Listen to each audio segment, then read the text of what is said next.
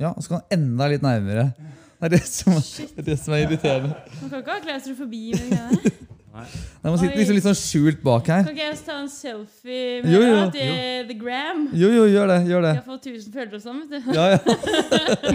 Ok, nå, nå flytter jeg den ut, da. Hvis jeg skal få til det. Ja, bare, ja, bare gjør det.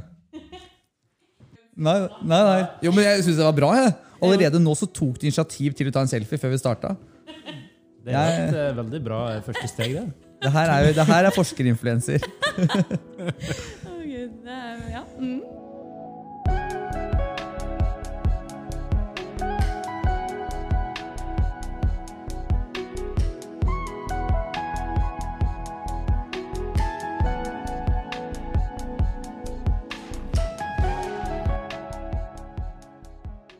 Du, du kan jo introdusere deg selv, Henriette.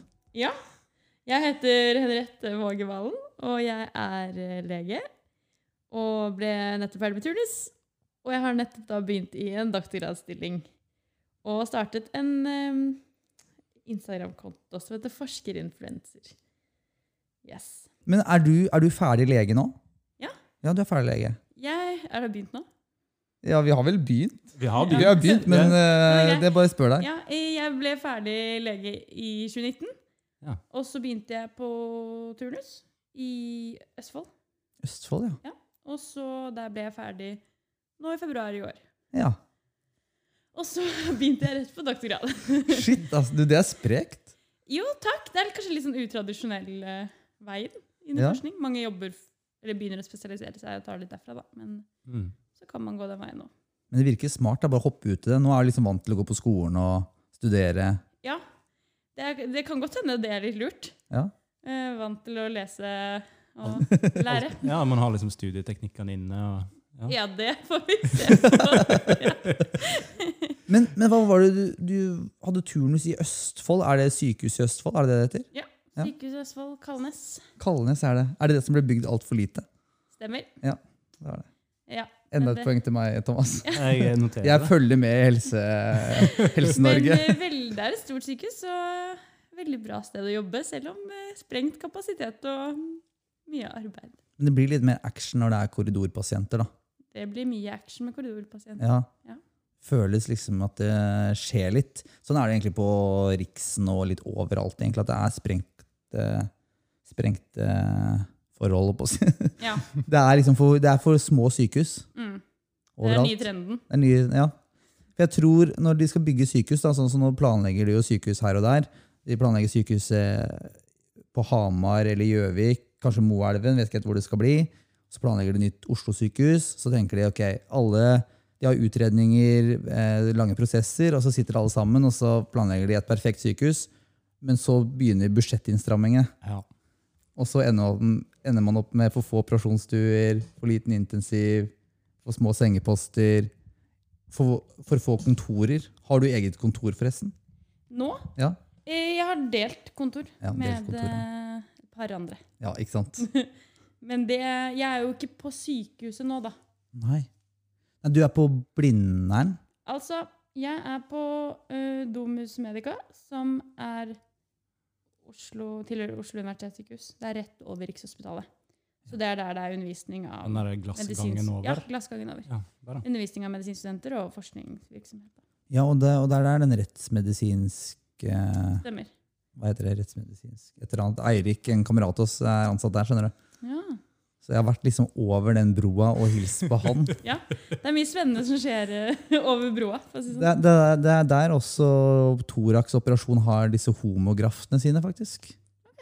Inni, inni der et sted. Ja. Inni en digg fryser. Ja. Eller sånn kjøleboks. Ikke godt å rote til de Nei.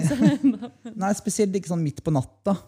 Nei. Så liksom ser man for seg at når man åpner opp denne store nitrogentank, er det vel egentlig, Mm. så ser man for seg at ok, hva skjer hvis jeg nå faller oppi her midt på natta? Vil noen finne meg? Jeg tror du har dødd før noen har funnet deg, dessverre. ja, det tror jeg. Det tror jeg. Eh, vi skal jo snakke om eh, Det er vel eh, hjertet vi skal snakke om i dag. Ja. Ditt engasjement for eh, Du kan jo si litt om hva du driver med. Ja, altså jeg begynte jo da for fire uker siden i en eh, doktorgradsstilling. Ja. Og det er jo eh, en stilling over tre år, eh, hvor man forsker. Og forskningsarbeidet skal til slutt ende i en doktorgrad. Mm. Og dette her er en doktorgrad innen hjertetransplantasjon. Hvor vi skal se på litt Altså det hovedmålet vårt er jo å At vi får tilgang på flere organer og bedre organer. Det er det som er målet? Hovedmålet? Ja. Mm, det er det. Så um, Og det, ja, for det er sånn som, sånn som det er, hjertet er jo da eh, Det er vel det organet på en måte det, har, det lever jo lengst, eller kortest tid utenfor kroppen. Det er der det er mest prekært. mm, Så det du eh, forsker på, er liksom hvordan man kan bedre det her tilstandene. Ja, for det er jo det store problemet. At eh, i en transplantasjonssetting så skal du jo ta et hjerte ut av kroppen til en annen, nei, ut av kroppen av en person og Mm. inn i en annen. Og da er det en periode der hvor du ikke får blod, Mm. ikke får oksygen. Og da blir jo, som du sa, hjertet blir veldig fort skadet av det. Og da er det jo spørsmålet om den personen som mottar hjertet, hvor bra hjerte Ja. får man? Eh, og så er det jo dette som eh, vi snakket så vidt om tidligere med, at det er jo ulike kriterier for eh, når man får lov til å donere et organ, da. Ja. Så er det jo ganske få av de organene også. Det er liksom ikke sånn at eh, det florerer her. Vi har ganske liten veldig- sånn donorpopulasjon, er det ikke det man sier? Ja, veldig, veldig små tall. Mm. Det er vel snakk om rundt 30 hjerter i året i Norge. Ja. Så det er jo ja, det er veldig små tall. Så Mm. hvis man på en måte kan forbedre enten kvaliteten eller få et ekstra hjerte inn i omløp, for å si det på en Ja. litt rar måte, så er jo det veldig bra. Ikke sant?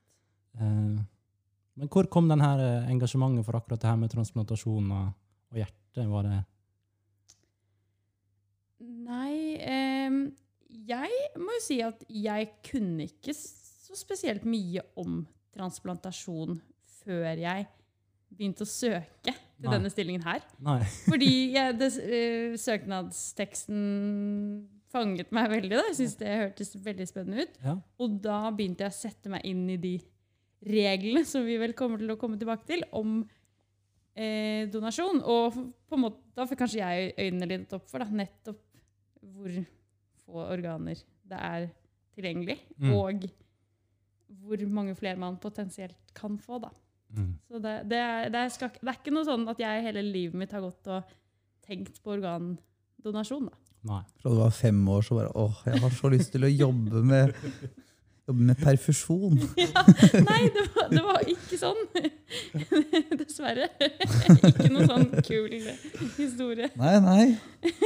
Men du, ja, er du har jo sånn- litt fra du har litt fra du var liten, men allikevel Ja, for vi må jo nesten si litt den der, Det er jo en eh, artig trekløver som sitter her nå. Sånn jeg som eh, frivillig i stiftelsen og organisasjonen, og som eh, fremtidige, forhåpentligvis mottaker av et hjerte. Og så har vi jo Emil, som har jobba med Jeg, jeg har jo jobba på Thorax på Rikshospitalet. Eh, og, så er, og så er du her da som forsker på Rikshospitalet. Ja, i fire uker. I Og så møter jeg dere som på en måte har drevet med dette i ganske mye lengre tid. Men det her er jo en start, tenker jeg. Nå, nå kommer vi til å ta et intervju her, eller en samtale med deg. Så kan vi følge opp om et halvt års tid. ikke sant? Hvordan går forskningsarbeidet? Hva har du lært? Hva kan vi lære? Ja, ja, gjerne det. Vi ja, følger liksom fra A til Å. Det Ja, var ikke gøy. Nå var vi heldige som fikk fanga deg ja, fire uker inn i forskertilværelsen. da. Sant? Akkurat i oppstarten. Nei, men det, var, litt- det er litt morsomt, fordi når jeg jobba på Thorax, så var jeg på sånn eh, Scandia Transplant-konferanse.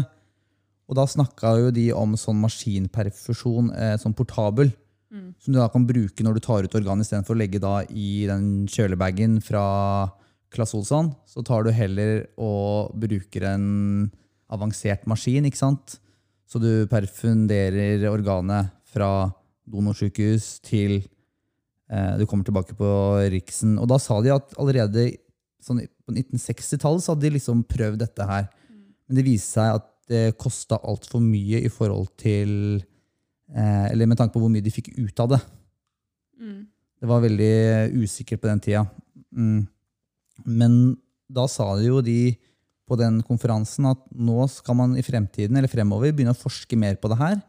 Og finne ut mer effektive måter så den der cost-benefit eh, gjør som man muligens går til innkjøp av portabel maskinperfusjon. Så du er jo egentlig da med i det de snakka om på den konferansen. Forskningen på det her. Ikke sant? Det, det syns jeg er litt morsomt. Ja, det, det er gøy. Det var, det var en veldig lang setning for å få frem det poenget, men eh, Det har vært det, men det var verdt det. hvordan eh, en vanlig eh, forskertilværelsedag for deg nå på Rikshospitalet, hva, hva er det du gjør? Det er veldig vanskelig å svare på. Du hadde et litt eh, morsomt eh, Insta-innlegg der du kalte det en, eh, en eh, MacGyver-løsning. Ja, Det er litt sånn ja altså det, det er jo Dagene varierer veldig. Ja. Eh, og det er jo litt avhengig av om man faktisk er på lab og gjør forsøk eller ikke. For det er jo veldig mye annet som er å lese og Ja, i hvert fall for meg i starten. mm. Eh, men sånn Åh, det, det er så vanskelig å si en typisk dag, men, men litt av det som er For eksempel nå da skal vi prøve å skape sånn Lage maskinperfusjon Mm. av hjerter. Og det er ikke en maskin som finnes. Det er noe vi må lage. Og da kommer det litt dette med MacGyver, da. Ja. Fordi OK, vi skal ha én slange derfra til dit, men de to slangene passer ikke sammen. Eh, hvordan kan vi sette de sammen? Prøve med en eller annen del jeg fant der, men da lekker det. Eh, nei, og så prøve med en annet, og da kommer det luftbobler. Eh, det, da vil vi ikke ha noen luftbobler inn i hjertet, for da Nei. Gjør det? Eh, og så litt sånn prøve forskjellig. Men så har jeg på en måte funnet blir jo fortalt veldig mye kult hele tiden. Det er jo f.eks. et verksted på Domus Medica hvor det jobber folk som du kan komme og si Er det mulig å få en treveiskran i denne størrelsen? Og så kan de lage det. Er det sant? Ja. Det er skikkelig kult. er Og det er elektrisk verksted òg, for jeg fant en sånn gammel maskin som var fra sånn, Det sto sånn 1987 Rikshospitalet, hvor det ikke var noe sånn strømuttak og sånn. Og da er det en fyr som er bare Ja, nei, det kan jeg sjekke om den funker, og eh, Nei, nå er den oppe og går, og Ikke sant? Så det Ja. skjer eh, mer ting på Riksen enn jeg var klar over.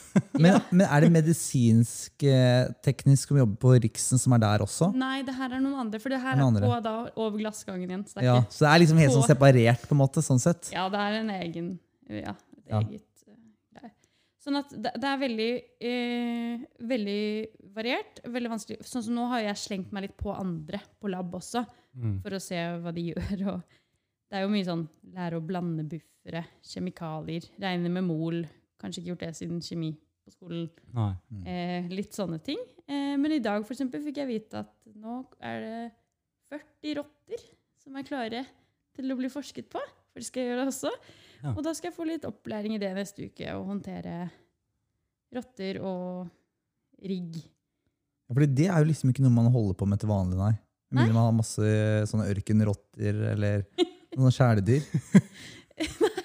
Det, jeg har ikke vært så veldig mye borti rotter. Nei, sant? Men skal du legge de på sånne ECMO-kretser og sånn etter hvert? da? Skal du liksom begynne sånn med de? Jeg tror ikke vi kommer til å gjøre det med rottene. Jeg tror ikke det finnes, finnes Små nok. Små. Nei. Nei. Men nei, beklager, veldig vanskelig å svare. Jeg har jo Ja. bare vært der i fire uker, men, men veldig varierende. Ja. Veldig varierende. Veldig, og veldig mye at du skaper selv, da. Litt. Ja. Du kan, jeg kan komme på jobb og tenke hva skal jeg gjøre i dag, og så finner jeg plutselig ut masse ting jeg kan gjøre. Det høres jo veldig spennende ut. da. Og så snakka du jo litt uh, før vi starta at du er jo såpass ny at det er liksom mye greier på nett. ikke sant? Fikse mailen, få opp systemer. Yes. Bare komme inn i arbeidsstedet, rett og slett. Og rutiner og kollegaer og Og forskning er jo noe jeg ikke er vant til forskerverden. Så når folk er sånn, ja, du kan vel søke på PubMed? Ja. Nei, egentlig ikke. Å ja, du må skrive opp referanser til artikler. Da. Aner ikke. Ikke sant? Ja, Fordi dere har gjort det litt på studiet, eller lite? veldig lite. Ja. I hvert fall, jeg- studerte i Krakow i Polen. Ja. Det var ikke så mye sånt. Nei. Nei. Så det er eh, mye sånt, og plutselig får du spørsmål Sånn som ingeniør som bestiller ting til laboratoriet. Men hva trenger du til forsøket ditt, da? Så er jeg sånn Jeg aner ikke. Vet ikke. Det, Nei? Finner jeg kanskje ut når jeg begynner med forsøkene. Ja. Men Det, det høres ganske interessant ut. da. Veldig sånn variert hverdag enn så lenge. i hvert fall. Ja. Og du lager din egen hverdag. ja. Så når du kommer på jobb nå i morgen, hva er det, hva er det du gjør da, tror du? I morgen har jeg faktisk en liten plan. Jeg skal forbedre den MacGyver-løsningen eh, som var på Instagram. Eh, det, det er da en, en rigg hvor vi Det er ikke sånn at hjert, vi heller inn en buffer i hjertet. Men det er ikke sånn at hjertet faktisk skal pumpe det. En buffer er ei væske. Ja, buffer er en væske Mm. som eh, på en måte eh, inneholder noen av egenskapene til blod, da, selv om det ikke er blod. Ja, ok, ja. Ikke hjertet skal pumpe det, men vi vil ha det inn i kransarteriene, så de blodårene som forsyner hjertet med blod. Da. Mm. Eh, og da skal vi planen plane om å forbedre den til i morgen. Ja. Og den er sånn Og det er så vanskelig å forklare, men, men eh, det, det er jo en teknikk da, som er litt sånn kjent innen perfusjon av hjertet, at man tar det den veien. Okay. Eh, du tar det på en måte motsatt av det kroppen vanligvis. Da pumper jo hjertet ut gjennom hovedpulsåren, men Mm. her tar vi det inn i hovedpulsåren. Og derfra går det ut i kransarteriene. da. Og da var det, du, du skrev at du måtte henge opp da denne eh, så så høyt over for å få riktig trykk. Ja. Og så, og så hadde du en utregning som jeg ikke skjønte noe av. Ja, det stemmer. For det er litt sånn man prøver å eh, Du skal ha det trykket som grisen, da, i dette tilfellet, faktisk har. Ja, Ja, for, hva, for hva skjer hvis det er for lavt? Da får du ikke perfundert, eller kommer ikke væska inn i årene ordentlig. Og hvis Ja. det er for høyt, så kan du liksom sprenge de, liksom. Mm. Mm. Så å gjøre å ikke skade. Eh, prøve å få det så reelt som mulig. Da. Men hva er formålet med en sånn rigg, da? Eller med å øve seg på å perfundere det organet? Eller, eller kransarterene på hjertet? Formålet med det er at vi kan måle veldig mye Fordi eh, når hjertet får forsynt blod på den måten som det gjør, Mm. så vil jo hjertet fortsatt slå Mm. og pumpe. Mm. Selv om det ikke er noe i kamrene. Ja. Sånn at på den måten kan man, man kan undersøke veldig mye av hjertets funksjon på den måten. Men det vil ikke være Til organtransplantasjon kan vi ikke helt gjøre det på den måten. Eh, eller den maskinperfusjonen jeg skal gjøre, så skal vi jo faktisk få hjertet til å slå væske. Ja. Som det vanligvis gjør, da. ja, så dere kan måle eh, Hva heter det? Funksjonen? Effekten? Ja. Mm. Men, men eh, fordi at i teorien, da, bare selv om det ikke er noe i kammerne, så får hjertet forsynt blod og slår Mm. Mm. som vanlig. Så man kan undersøke ganske mye spennende likevel. På en veldig mye enklere måte, da. Du Mm. krever egentlig bare, sånn som på det der oppsettet, at det er bare én tube inni hjertet. En tube inn i hjertet. Og at det fylles på buffer eller væske eller blod eller Ja, men Tar dere prøver, da? Eller hva, hva skal dere gjøre nå? Nå skal dere Skal dere ta prøver av det og se hvordan det klarer seg, liksom? Ja, for eksempel kan vi ta ja, biopsier kan vi ta i hjertet mens det henger der. Altså at man tar en liten bit av hjertemuskelen. Som man etterpå kan da farge eh, med ulike kjemikalier og den slags. Dette er jo ting jeg ikke har gjort ennå, men eh, blitt fortalt at det kan vi gjøre. Ja. Eh, og for eksempel så kan man ta det den eh, det perfusatet, som jeg har lært at det heter. da, hvis det, det som faktisk perfunderes gjennom. Det er perfusat, ja. Ja. ja. Ikke sant? og så kan man f.eks. måle avfallsstoffer der. Eh, og eh, ja, vet du hva, det er så mye Man kan jo måle også trykk inni hjertet med en ballong, f.eks. Mens det henger der. Shit. Ja, fordi når du det, du skal det du skal forske på nå, er hvordan kan du bedre kvaliteten på selve organet du donerer, eller som skal doneres. Mm. Og da var det to ting du kunne gjøre. Det var å eh, bedre transporten, måte, at den får næring underveis. At, Mm. ja, og at du kan måle funksjonen, eller monitorere funksjonen underveis også. Ja. det er akkurat det at vi lurer jo på hvilken behandling som vi gir hjertet under transport, f.eks. Mm. Eller og ikke engang nødvendigvis transport, men det er jo fortsatt uansett et, dette lille øyeblikket, tidsrommet, hvor hjertet ikke får uh, oksygen via blodet. Da. Ja. Og for eksempel er det en spesiell buffer da, eller væske vi kan utvikle, som har litt sånn magiske ingredienser som bevarer hjertet på best mulig måte. Altså, du kan være med nå og utvikle rett og slett et sånn perfusat. Er det riktig å si? Per Nei, fordi perfusat er det som på en måte renner ut gjennom blodårene. det er det som Hjertet. renner ut, ja. Ja, ja, så du, ja. så en, men vi kaller det bare perfusjonsbuffer, da. Perfusjonsbuffer, Ja. ja. Den, det er det. Så utvikle en sånn optimal løsning, da, rett og slett. det er jo drømmen. Ja, det er drømmen. Det er drømmen. Ja. Da, hvis man får utvikla det her, så kan man potensielt la et hjerte eh, holde lenger under transport. Ja. Det er det som på en måte er sluttmålet her. Ja. Ja. Lenger under transport, og også bare optimalisere eh, selv ved kort transport. Da. Altså hvis det, ja, at, ja, at Mm. fra det er tatt ut, så kan det forbedres til Ja. det settes inn i en ny pasient. Jeg tror ikke det blir bedre enn det var. Men, Nei, det blir det veldig ikke uansett, men det blir, eh, da, men det blir da, i hvert fall hadde jeg dårligere. blitt veldig overrasket, men også veldig glad. Det hadde vært veldig kult, da. Hatt i det så væske som gjorde at oi, nå ble det veldig masse friskere enn det var. Ja. Fått ut alle. Ja.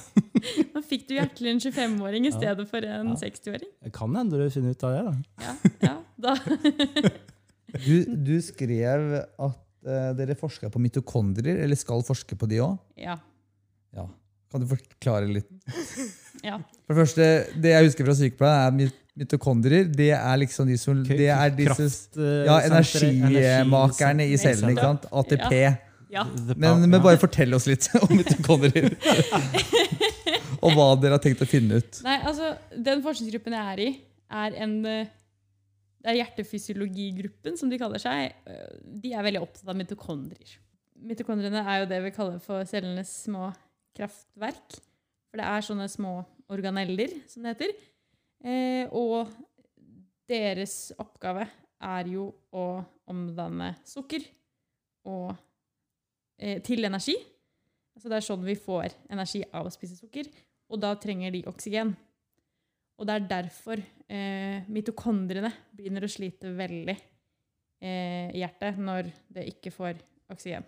Og eh, veldig mye av den skaden hjertet får, eller alle organer får, når de ikke får oksygen, Mm. det er jo noe du kan eh, knytte til mitokondriene. For det er de som trenger oksygenet for å lage energi. Sånn at uten oksygen får de ikke laget energi, og du Så det er på en måte de som da òg skader organet når Ja. de ikke får oksygen. Ja. Ja. Det er det. Så da forsker man naturligvis nok på deg òg. ja. Sånn at selv om det er veldig sånn stort, og vi lager en maskin, og ditt og datt, så er det til syvende og sist de bitte, bitte små. Og mitokondrier er jo da noe som finnes inni cellene. da. Mm. Bitte, bitte, bitte små. Så er det jo ja, Hvis man har uh, nyere lever og Spesielt nyrene kan jo leve veldig lenge utenfor kroppen. Mm. Så liksom, hjertet det er så skjørt. Ja. Føler du på det når du forsker på det òg? Det sånn der, Det må være veldig rart å forske på hjertet. Det, det er veldig Det er jo på en måte et eh, veldig sånn ja, opphøyd organ. Det er, Ja. Det er jo det kuleste organet, jeg må jo si det sjøl. Nå er jo jeg litt sånn Du har et halvt et, liksom. Så. Jeg syns det er kult. Men det, ja, du føler at det er litt sånn kult? ja, det er kjempekult. Det er veldig kult. Og det er jo fascinerende. Ja. Og jeg tror aldri man kan bli utlært på hjertet. Nei. Det tror ikke jeg heller. Og det som er litt interessant, da, er jo at på en måte så er det veldig sånn enkelt å forstå organ sånn på helt sånn, helt sånn grunnleggende. Sånn når du går, for går sykepleien, da. Mm. Så er det sånn, Du skjønner liksom, ok, det er en motor på en måte, eller den som liksom pumper blodet rundt i kroppen, men så er det så innmari mye mer. da. Sånn som du sier med mitokondrier, jeg hadde faktisk ikke tenkt noe særlig på det. Nei, ikke Før du sa det. Nei. Og, og det er jo det disse forskerne som har drevet med i alle år, de har jo klødd seg i hodet i mange år om hvordan kan vi Er det noe vi kan endre? Kan vi manipulere mitokondriene på et vis? Ok. Ka- Og litt sånn, kan vi få hjertecellene til å tolerere det å leve uten oksygen bedre, da? Ja.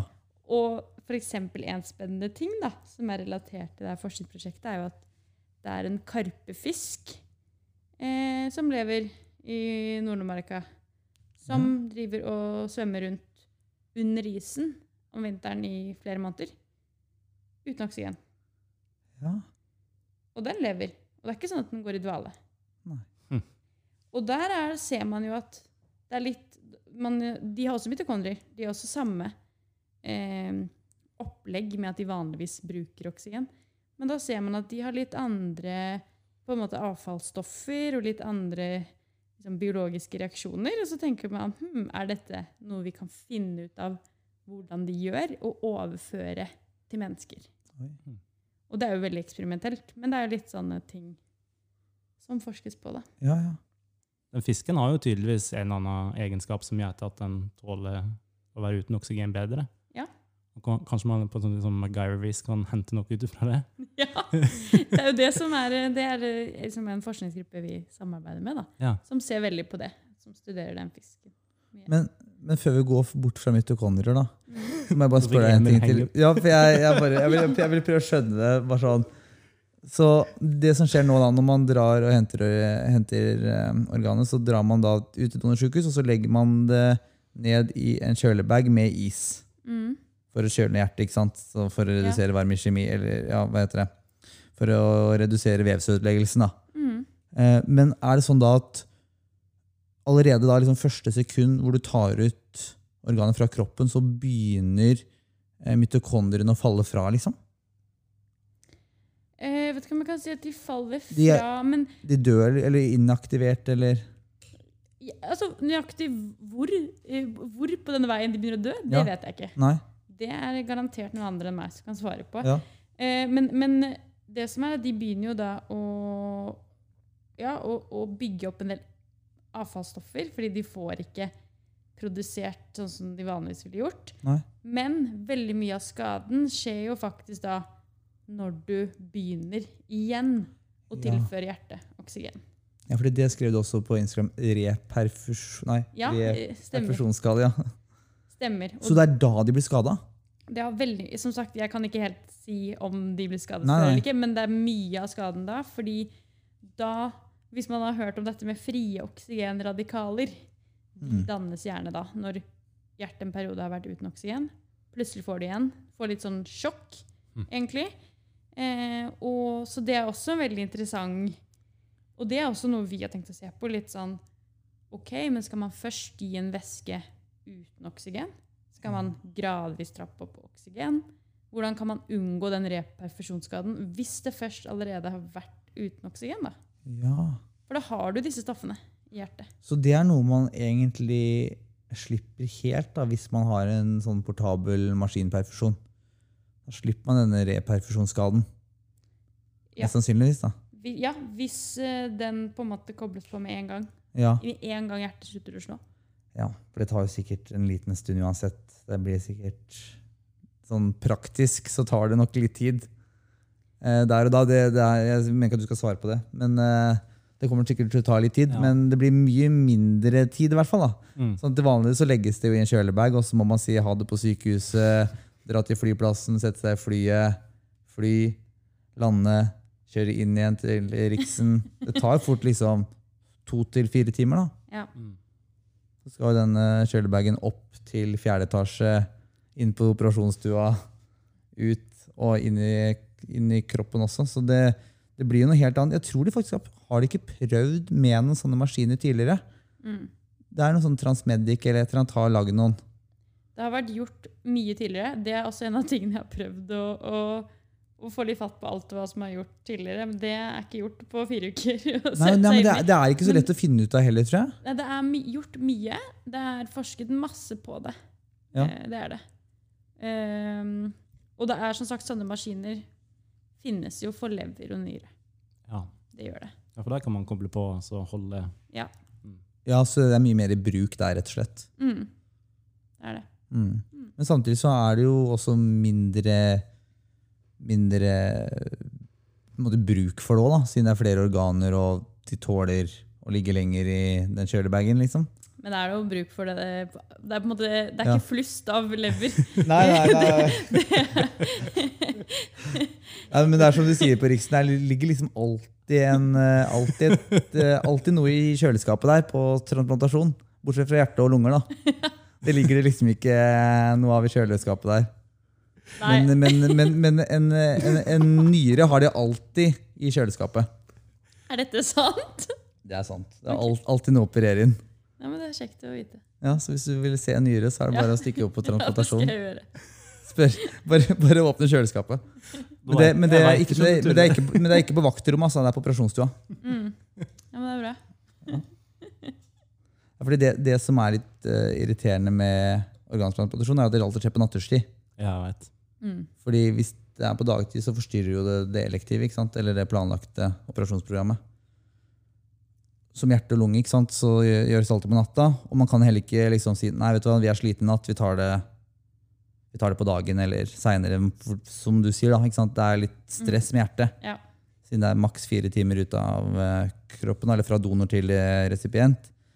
Men nyrer er det ikke så stress med, så hvis de da kommer hjem til Riksen, da, kommer hjem, kommer tilbake til Riksen med nyre, og så er det noe som skjer, alle operasjonsstuene er i bruk, så er det ikke, det er ikke da farlig å sette den nyra inn i et kjøleskap og så av, av, avvente litt. da. Nei. Så det blir på en måte den store forskjellen. Ja. Og så er det jo ikke hver dag man opererer thoraxorganet, liksom, lunge og hjerte. For det er så få. Så det er jo også liksom det man prøver med det forskningsprosjektet ditt, at man kan bruke mer marginale organer, ikke sant? Mm. For å utvide den utvide det volumet. Det spørs hva du mener med marginale organer. Nei, sånn at, sånn at før, da, la oss si hvis noen dør, da, og så er du Eller vurderes som donor, og så er man veldig usikker på kvaliteten på organet. Ja, sånn er, ja. Mm. så kan man da, hvis man har en sånn maskin, da, rett og slett portabel, så kan man legge det organet inn der og faktisk sjekke funksjonen, eller monitorere funksjonen, og så da kanskje sende ut et varsel. Ok, vi, vi har faktisk et organ her, nå kan vi finne en resipient. Ja. Mens ellers så kunne man, man kan liksom ikke ta den sjansen eh, uten en sånn maskin, da. ja, uten å faktisk vite. Nei. Mm. Hvis det er liksom noe man er usikker på, har det skjedd noe her, er det dårlig kvalitet? Eh, Det husker jeg i hvert fall at de snakket om på den konferansen, at eh, det vil være avgjørende da, for å utvide den poolen. Mm. Det er det vi håper. Ja, det er det vi håper på. Og så er jo Du sa jo også at eh, eller Det var en forkortelse jeg ikke helt skjønte. ROS. ROS. Ja, det um, var det Jeg nevnte jo sa dette med frie oksygenradikaler. Ja. Og ROS er altså engelsk Reactive Oxygen Species. ja, så det er disse frie radikalene, ja. Ja, så det er jo sånn, Hvis du ser reklame for hudkrem, at det inneholder antioksidanter som bekjemper frie oksygenradikaler. Blåbær og hudkrem. Det er det. Ja. så det er ja, dette at plutselig ble oksygen litt farlig. Men det er jo én måte til å utvide da donorpoolen. Da. Det er å bruke en annen form for donasjon. ikke sant? Er du, har du lært noe om det? Er, du, er det en del av forskningsprosjektet? Ja, det er jo egentlig en veldig stor del. Ja. Eh, at vi prøver å eh, For vi er et sånt stort prosjekt hvor det også er involvert eh, noen som er, eh, driver med etikk til vanlig. Mm. Ja. For det er jo et egentlig ganske stort etisk dilemma ofte, da. Men Det er det som har vært diskutert. Vil, du, vil du spole litt tilbake og bare presentere liksom hva, slags, eller hva, hva metoden går ut på? Ja, altså eh, I dag, for å bli donor Det er jo ikke bare sånn at du må ønske å være donor selv. Det kommer an på hvordan du dør. Eh, for å kunne donere et organ i dag, så må det være erklært hjernedød. Og det betyr at du ikke har noe blodsirkulasjon opp til hjernen. Eh, og det er jo en annen form for død, som er død etter sirkulasjonsstans. Mm. Så død etter at hjertet har sluttet å slå.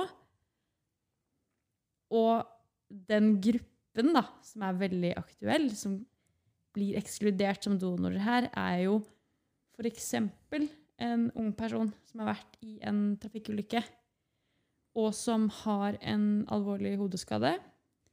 Eh, kanskje mange andre alvorlige skader for den delen, men eh, ligger på intensiven, får all hjelp den trenger. Eh, og man ser at personen har en hjerneskade som gjør at kommer aldri til å våkne og være seg selv igjen. Og leve uten respirator. Men fordi den personen fortsatt har blod opp til hjernen, så er den ikke hjernedød. Mm. Mm. Og da, selv om familien sier at de ønsker organdonasjon, så er det ikke det lov Nei. i dag. Den her eh, debatten har jo pågått ganske så lenge. Jeg husker jeg begynte jo som frivillig i Stiftelsen Organdonasjon i 2018. Og da var det, husker jeg vi hadde en uh, lege fra, uh, som var med i det her uh, rådet som skulle få det i gang i Norge òg. Mm. Det var sånn at ja, vi føler vi nærmer oss, men så kom kanskje korona og ødela litt òg, jeg veit ikke. Men ja, eh, det, ja, det var 2018. jeg tror det. Ja. Eh, for det, en ser jo til f.eks. Storbritannia, der er jo det her der, der, der driver jo med det her. Mm. Og én av fire organ er jo fra sånne typer donorer. Ikke sant? Så man vil jo øke liksom, tilgangen på organ veldig hvis det her blir lov. Veldig. Ja, det er jo anslått mellom 15 og 30 prosent, Ja. som er mye. Og det er jo litt sånn kjedelig da, når det er sånn som du sier, at det, er etterlatte, og ja, hvis den som ligger der sjøl òg var positiv, så er det jo kjedelig at det ikke går pga. etikk, egentlig. Veldig. Og det har vært nær mange ganger, som sier det er ikke Ja. første gangen denne diskusjonen her tas opp. Men det har vært mye av bekymringene til folk, og det er særlig eh, leger og sykepleiere og de som jobber med organdonasjon, er at det skal bli en slags Nei, men nå kan vi bare ta pull the plug fordi det er en annen her som venter på et organ. Mm. Men det er ikke realiteten. For det er leger på intensivavdelingen som står med disse kritisk dårlige pasientene. Og så har du noen helt andre behandlere som er transplantasjonskirurger, Ja. som vil ta imot det organet, og som har kontakt med noen som trenger det organet. ja. Mm. Det er veldig sånn separat. Ja. Ja, to institusjoner nesten. Den ene som, altså den behandlende legen til den som ligger her, og så har du liksom, de jobber jo i bakgrunnen. De har ingen Mm. direkte kontakt med pasienten, men det er jo sånn, det er i hvert fall det jeg merker når jeg er ute og underviser, at det er, veldig, det er jo der frykten ligger da. Ja. Og det er så synd. Men Ja. De hadde jo en pilotstudie på der på Riksen hvor de fikk gjort 18 stykk. Eh, og da var det jo bra organer, bra Pårørende syntes også at det var en ryddig prosess. De fikk også lov til å være der når man trakk tilbake den livsforlengende behandlingen, og når man la inn kanylene til denne eh, ECMO-kretsen. En sånn krets som skulle oksygenere or organene etter Det var vel fem minutter etter pasienten Eller den livsforlengende eh, behandlingen var trukket tilbake. Mm. Og de pårørende også syntes det var en grei prosess. Mm. Men så var det vel litt sånn uryddigheter rundt om faktisk Helsedirektoratet, eh, Helsedirektoratet hadde liksom godkjent studien tilstrekkelig, og så meldte eh, UNN, eh, Universitetet i Nord-Norge, og jeg husker ikke helt den var i Tromsø også, eh, eh, bekymringsmelding da, rundt prosjektet, så det alt ble lagt på is. da. Og så har man jo da siden Eller siden har prosjektet vært på is. Og man, nå har du tydeligvis begynt å gjøre en utis, nei, sånn etisk utredning også, da. For det var vel det de etterspurte, i hvert fall nevrologene. Morten Horn har vært veldig sentral i, i debatter, og det var han som sendte brev til Helsedirektoratet, blant annet. da. Og satte spørsmålstegn rundt prosessen, og er det her egentlig noe som man har snakka om fra A til Å, liksom?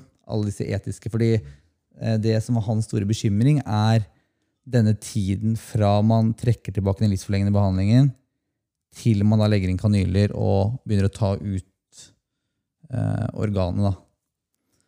Om ok, Skal det være fem minutter? Hvorfor skal det være fem minutter? Skal det være tre minutter? Hvorfor skal det være tre minutter? mm, Skal det være sju minutter? Skal det være ti? 15? Eh, det, vanligvis da, hvis man trekker tilbake behandlingen og hjertet ikke slår, så antar jo man at det er en total hjerneødeleggelse eller hjerneskade. Og så vil jo kanskje legen etter hvert komme og se på pasienten. Man tar småstell, og så blir det jo eh, blir pasienten ja, Så kommer pårørende og ser på, så er man måte helt klar over at okay, her, pasienten lever ikke lenger. Mm. Det er avslutta for lengst. ikke sant? Mens ved en organdonasjon så, så da blir det da fem minutter, og så legger man en kanyle, og så tar man jo måtte måte ut organet mens kroppen måtte måte fortsatt er, Ja. er liksom i live. Typ, Ja. da. Ikke at man vet liksom Man veit Eller det, det vi sa på Riksen, var at vi vet jo at det er en total hjerneødeleggelse her. Det er ingen vei tilbake. Men nevrologene vil ha den angiografien og se at det er ingen, ingen restsirkulasjon. Hjernen har ikke, ikke noe blod. da. Så det er der den konflikten ligger. Eh, og det er der de måtte må eh, eller, det, det, eller det må utredes etisk, rett og slett. Men det er jo mye Kjempekomplisert. Ja, det er kjempekomplisert, og det er, det er jo mye av det de etikerne Nå har jeg ikke snakket så mye med dem ennå, men det er veldig spennende, for det er nettopp det derre Når er man død? Ja. Mm. Og har det noe å si om det er tre minutter eller syv minutter, når det allerede er tatt en beslutning på at sånn som du sier, dette er en total hjerneskade, eh, livet er over for denne personen, familien har innsett det, eh, eller akseptert det. ja, og Eh, takket ja til donasjon. ja, eh, og da er det jo veldig sånn det, det, Kan man egentlig si nå er personen død? Nå er den ikke død enda. Ja. Mm. Det, det er jo døde. ja, for altså, døden er jo en prosess. Det tar, det tar jo litt tid. Eh, mens veldig mange tenker vel kanskje at det er litt mer som en lysbryter. At enten en av eller på.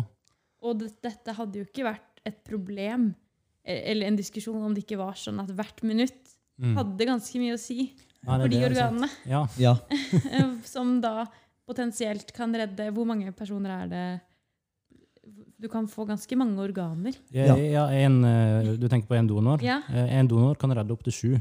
ikke sant? Det er jo eh, ja, veldig stort.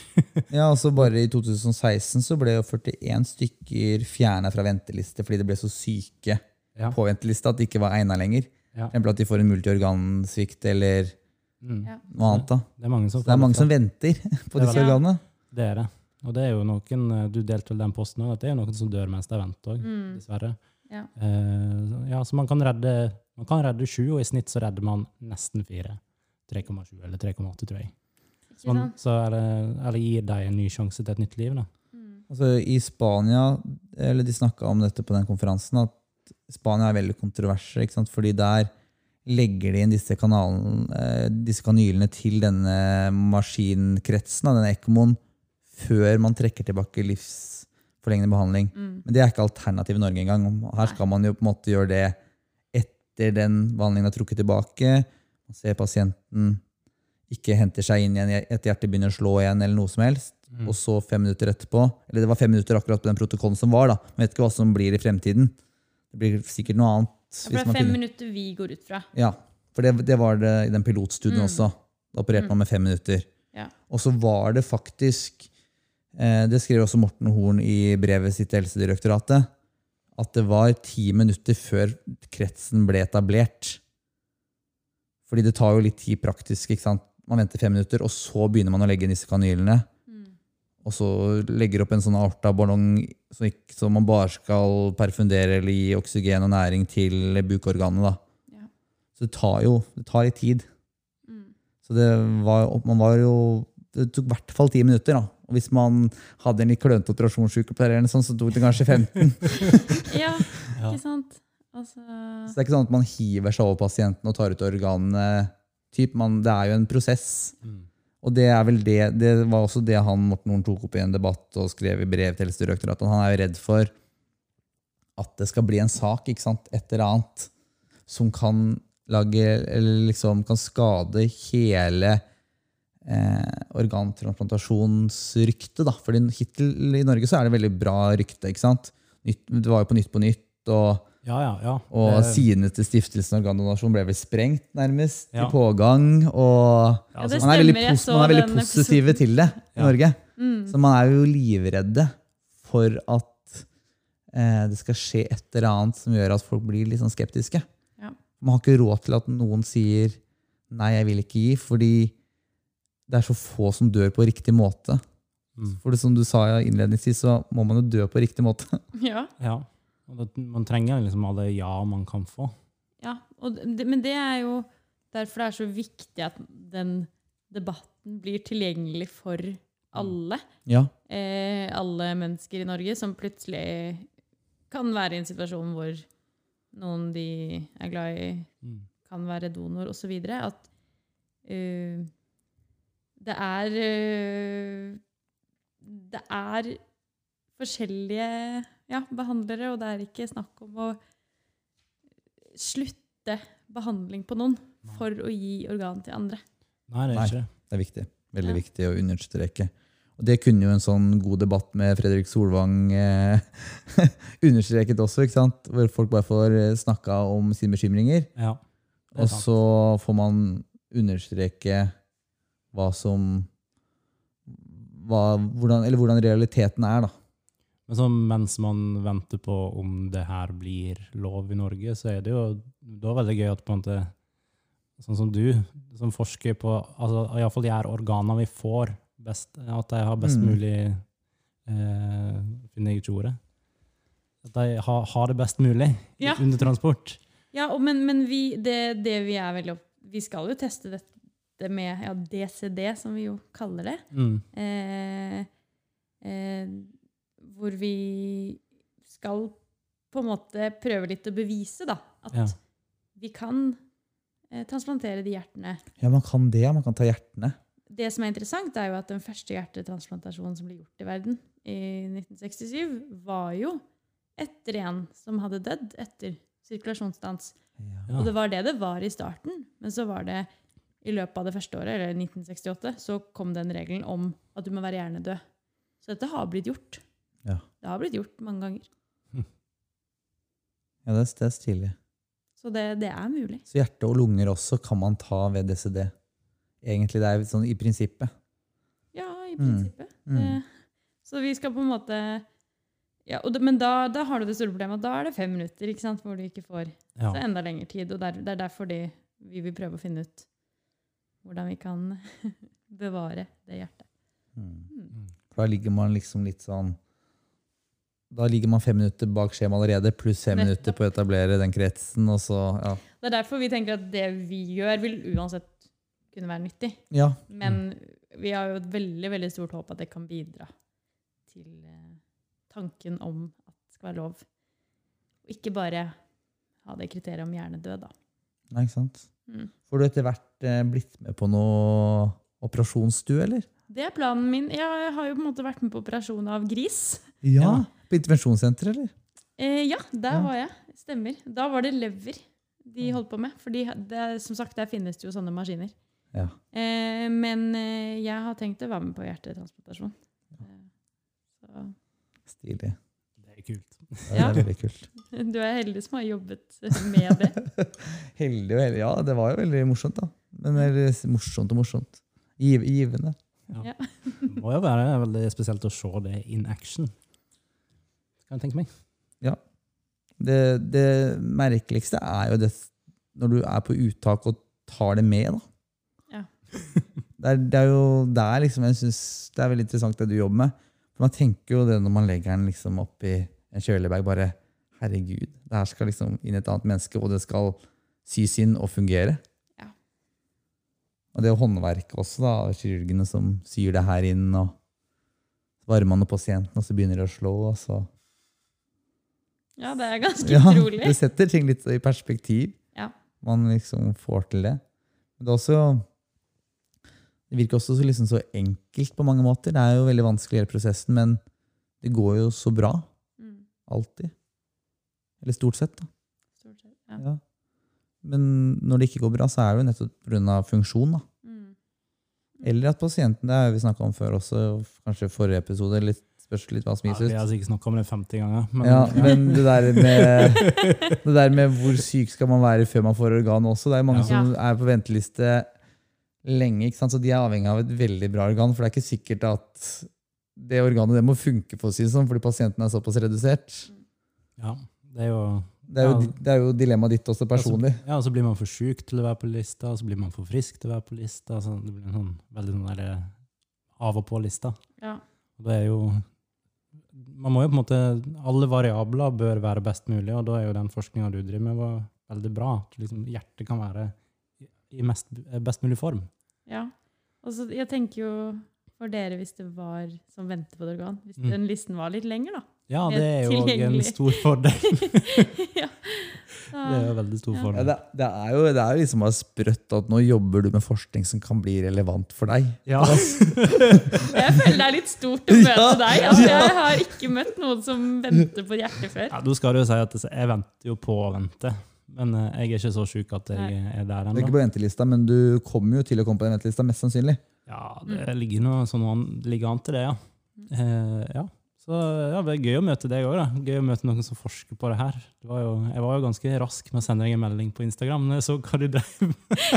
Ja, og jeg har jo igjen gjort dette i fire uker, så jeg hadde ikke forventet å være med på en podkast så raskt Nå er dette her en helt uformell episode. Ingenting vil bli brukt mot deg. Det håper jeg. ikke. Med mindre det er noe, du har noen slemme kollegaer. Det er faktisk én jeg hadde tenkt Nei. Men ja, men det er litt morsomt, da, fordi du så jo Instagram-profilen til Henriette.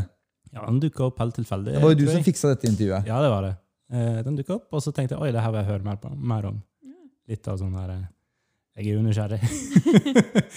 så ja, Men eh, du har jo på en måte en Instagram-profilen din i forbindelse med forskningsprosjektet ditt. Mm. Hvordan, eller forsker-influencer, hvor starta det? Det, det, det var faktisk første dagen min. Så sa Jeg har jo da en veileder, for det har med en, en professor i fysiologi. Ja, ja. Det har man når man er doktorgradsstudent. Og så er, For han er veldig opptatt av dette med generelt da, forskningsformidling, men Mm. også særlig dette prosjektet nettopp for det er så viktig å involvere folk. Så sa han litt sånn Ja, du er jo den generasjonen med Ja. sånn sosiale medier. og så har jeg jo også ja, drevet med skoleavis og vært Ja. litt sånn. Ja. Sånn at, eh, Så sa han ja, om det var noe jeg kunne tenke meg. Og da gikk jeg jo hjem første dagen og begynte liksom å Tok en selfie utenfor bygget og begynte liksom å lage noen tanker da, om hva, hva slags ting kan man legge ut her. Og Ja. så tenkte jeg dette er ganske kleint. Og dette strider veldig mot janteloven. Ja, det er det. Men også veldig gøy å bare dele hva man gjør, og mens jeg lærer. Mm. Og mm, ja. Bare Og det er mange leger også som ser på forskning som noe veldig fjernt. Og, Veldig, ja. ja, og liksom det er det forskning er ikke noe for meg. Og det er å bare lese artikler. Eller at man ikke har noe forhold til hva det egentlig er, da. Mm. Spre det glade budskap. Så ja. Ja, det, Ja. Ja, vi, har vi, har, vi ligger liksom bare et år foran deg, rett og slett, når det gjelder vår eh, sosiale medier. eh. Jeg syns det fortsatt er kleint. Ja, jeg Altså, synes det- Ja, ok. Å nei, skal det være kjekt så lenge? Ja, vi sliter litt med å lage videoer av oss. Det gjør vi. Ja, det blir liksom ikke bra, føler jeg. Men, eh, men det det- er, du må bare legge til side all selvrespekt, tror jeg. Det er det, det, er det vi mangler. Vi må bare, nå har vi en podkast, altså vi kan kanskje ikke si så veldig mye. Jeg er ikke så veldig sjenert. Men det- ja, janteloven bør man jo Jeg tenker jo litt på den, jeg òg. Skyve den langt til side. Ja. Skyver den langt til side. Det er det man må. Tenk at det vi driver med, eller det du driver med, forskningsformidling, og det vi driver med, med litt sånn der eh, pratete podkast, det er jo på en måte Man gjør jo det bare for gøy. Ja. Og så Det som er greia da med en Instagram-konto eller en podkast, det er jo sånn det er jo, Man velger jo da å se på det du legger ut, lese det du legger ut, og høre på vår podkast eller se hva vi legger ut. Det er jo oppsøkende. Det er ikke sånn at vi sier 'hei, her er vi, alle skal se på oss'. Nei. Og jeg og Thomas vi har, fortsatt ikke, ja, og vi har fortsatt ikke kommet over at noen hører på det her.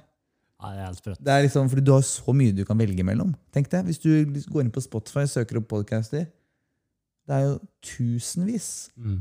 Så at noen velger liksom å følge deg på Instagram, følge oss på Instagram, høre på det man lager, det er litt morsomt. Det er veldig gøy. Og det kan jo, du kan enten bli høy på deg sjøl, kanskje. Miste selv... eh, Nei, miste selvinnsikten. Er Eller så kan du bare gjøre det til noe sånn positivt. da, Og tenke at okay, du formidler noe bra. jeg, jeg tror liksom ikke jeg kommer til å bli så kjendis med en såpass nisjete podkast. Du er på bloggerne, liksom. Hva er det du driver med? Nei, jeg driver med forsker på Paradise Hotel, kanskje. Du blir med der for å promotere dette her. ja. Det er jo det er litt sånn Det kan eh, tenkes jeg møter noen hjernedøde folk der. Er det bare å utføre donasjon? Jeg likte jeg. Ja, det er riktig. Det, Jeg vet ikke om det er lov, lov å si. det der lager vi soundbite da og legger ut overalt. Ikke sant? Det hadde vært en veldig så deilig kontrast da, eh, Paradise å ha deg der sammen med de som er der. Men, Jeg vet ikke hvor deilig det hadde vært. men, men når vi først har en, uh, har en medinfluenser i studio Jeg vet ikke om det er lov til å si det engang. Fy faen, nå ble kvalm. Jeg, jeg, Ja, det får du noen sure oppstøt faktisk får jeg nå. Jeg vil ikke ha det på meg at jeg er en medinfluenser. Men jeg vil spørre deg, Hva er din strategi for å vokse Instagrammen din? Det, vi, vi må ha litt råd og tips. Ja. Altså Det som skjedde den dag, dagen etter at jeg lagde den profilen, Mm. da eh, ble jo profilen min blokkert. For jeg var så aktiv at de trodde jeg var en bot. Jeg skjønner meg igjen. Ja. For jeg bare OK, jeg må bare følge alle jeg vet om, på en måte. Ja. Så det var bare det Gikk inn og fulgte litt sånne random folk jeg ikke har snakket med på en stund. Og, og selvfølgelig folk jeg kjenner. Mm. Og så eh, Ja, relevante ting. Litt sånn UiO, medisin, sånt, da. Og hashtagget. Ja. altså, jeg er ikke noen ekspert, på måte. Det er en, det er en hel egen verden å sette seg inn i det med Instagram. Ja. Det, ja, har på en måte det i tillegg til at du skal sette deg inn i datasystemet på Rikshospitalet. det blir Det har sånn. kanskje blitt litt vel mye fokus på den influensingen i starten. Det var liksom litt mer nærliggende å sitte på Insta. Ja, ja. Men kan du bruke forskertid på det, eller? eller kan du bruke liksom Fordi nå har du jo en konto tilknytta arbeidet ditt eller jobben din. da. Så nå kan du bruke litt kontortid på det. Kan du ikke? Det er- blir liksom en del av ditt prosjekt. Det er jo ikke et privat konto. på en måte. Du deler jo ikke hva du spiser til frokost der. Nei, det, det, altså det er sant. Jeg, jeg tenker jo på det som jobb Mm. når jeg setter meg på kvelden og skal skrive en tekst. Forskerhverdagen er jo helt flytende. Mm. Jeg kan jo, hvis jeg nå er hos dere til midnatt, noe jeg ikke tror, så kan jeg jo komme på jobb klokken ti i morgen. Ja, du kan det. Og Ja. ingen kan si noe på det, med mindre jeg hadde planlagt et dyreforsøk med noen andre, og det gikk utover andre. Mm. Men det er, jeg er helt sikker på at det blir langt over 100% stilling i snitt. Mm. Og det er ikke noe sånn at man skriver overtid eller noe sånt. Det er det ikke. Nei. Så man må være ganske interessert Ja. jeg, for, å, for å ta den jobben og for å komme seg på jobb, selv om du ikke må være der da og da. Nei, det krever jo sikkert veldig mye selvdisiplin og kontroll da, over seg selv. Det er veldig uvant da når man er vant til å jobbe i helsevesenet, hvor du jobber vakter og skift. og Mm. Mm. det er jo, Man er vant til at i dag har du de pasientene du skal gjøre det, og du skal være der fra da til da. Du er ferdig når du kommer hjem. Ja, Og da er du helt ferdig. Men det her, det blir jo ikke sånn. Nei, nei, du kommer til å ha deg hengende over deg i, i tre år nå. I hvert fall. Ja. Og så blir det et nytt prosjekt plutselig. Tror du forlengelse og Ja, selve graden må man fullføre innen tre år. Du må fullføre, Fordi ja. da tar pengene slutt.